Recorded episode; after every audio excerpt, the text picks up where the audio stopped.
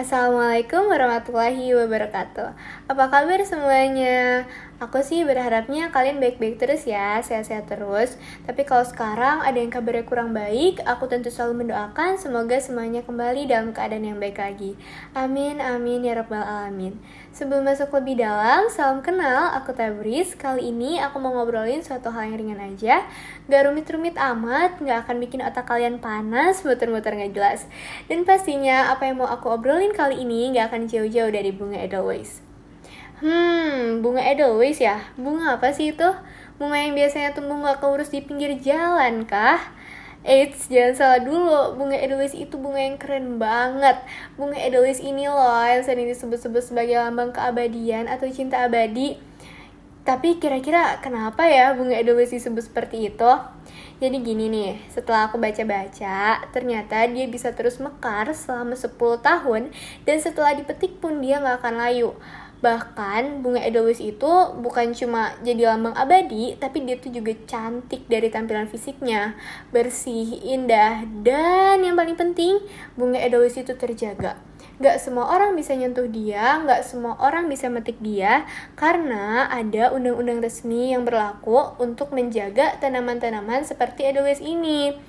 Nah, dari sini tuh aku mikir, seandainya Edelweiss berwujud manusia seperti kita ya, dia pasti punya kepribadian yang baik.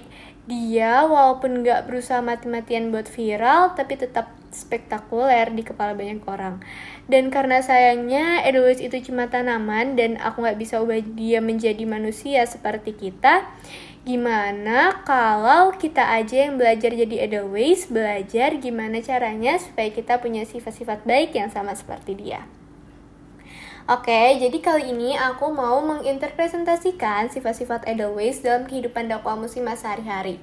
Pertama, abadi. Tapi Emangnya mungkin ya jadi abadi? Bukannya segala hal kecuali Allah Subhanahu wa taala akan musnah pada waktunya. Iya, nggak salah juga sih. Emang betul semuanya akan musnah. Jadi, untuk yang satu ini, kita bisa mendefinisikan abadi sebagai kemampuan untuk bertahan berdakwah, menyebarkan agama Islam sebenarnya tuh nggak harus jauh-jauh loh girls. Kita bisa memulainya dari orang-orang terdekat, seperti halnya keluarga kita sendiri. Untuk yang sekarang sedang berjuang menjadi teladan di keluarganya masing-masing, semangat terus ya. Berbagai macam penolakan, tak ada yang mendengarkan, sampai cacian orang lain yang menghujam, tentu membuat kata menyerah sering terpantik di kepala kita. Namun, jangan merasa sendirian, karena nyatanya hal seperti itu bukan hanya terjadi di zaman sekarang. Nabi-nabi terdahulu juga turut menerima perlakuan seperti itu. Layaknya Nabi Nuh alaihissalam yang sudah ratusan tahun berdakwah, tapi tetap saja hanya sebagian kecil orang yang mempercayai perkataannya. Tapi meski begitu nih, Nabi Nuh alaihissalam tidak pernah menyerah dan tetap berdakwah. Wah, kalau mengingat cerita Nabi Nuh, sepertinya tak pantas bagi kita yang baru disenggol-senggol sedikit saja sudah langsung menyebarkan bendera putih. Meski tidak mudah bertahan untuk terus menyebarluaskan agama di segala kondisi layaknya Edelweiss, insya Allah akan menjadi ladang pahala bagi kita semua. Amin ya Rabbal Alamin.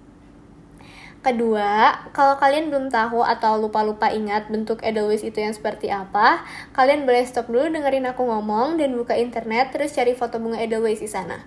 Silakan, aku tungguin kok.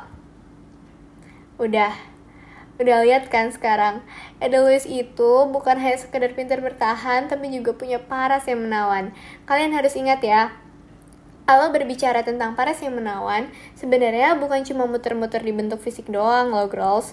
Sebagai muslimah, cantik itu akan lebih terlihat dari adab dan perilaku seseorang. Jadi, untuk mekar sebagai Edelweiss, selain menjaga keindahan fisik yang telah Allah Subhanahu wa taala berikan kepada kita, hendaknya kita juga harus terus mengimprove adab dan akhlak kita kepada orang lain.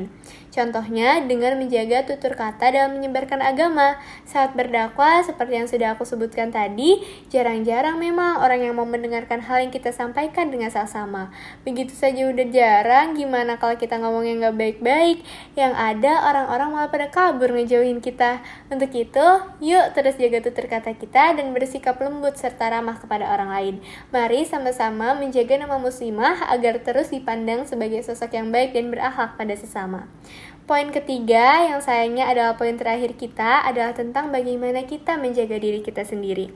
Kalau Edelweiss punya Undang-Undang Nomor 5 tahun 1990 pasal 40 ayat 2 yang melindungi dirinya, kita sebagai para muslimah juga punya firman Allah pada surah Al-Azab ayat 59 yang berarti, Hai Nabi, katakanlah kepada istri-istrimu, anak-anak perempuanmu dan istri-istri orang mukmin, hendaklah mereka mengulurkan jilbabnya ke seluruh tubuh mereka.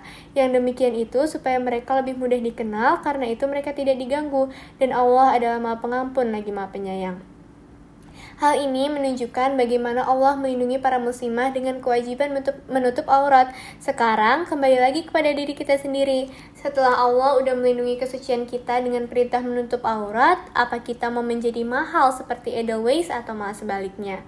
Setelah kita bisa bertahan dalam menyebarkan agama Islam, mementingkan adab dengan kelembutan hati dan terus menjaga kesucian diri, insya Allah kita akan mekar sebagai Edelweiss yang bukan hanya jadi lambang abadi, namun juga cantik dan pastinya terjaga juga. Wah, ternyata panjang juga ya obrolan kita kali ini. Terima kasih banyak yang udah mendengarkan. Semoga apa yang telah aku sampaikan bisa bermanfaat. Sekian, wassalamualaikum warahmatullahi wabarakatuh.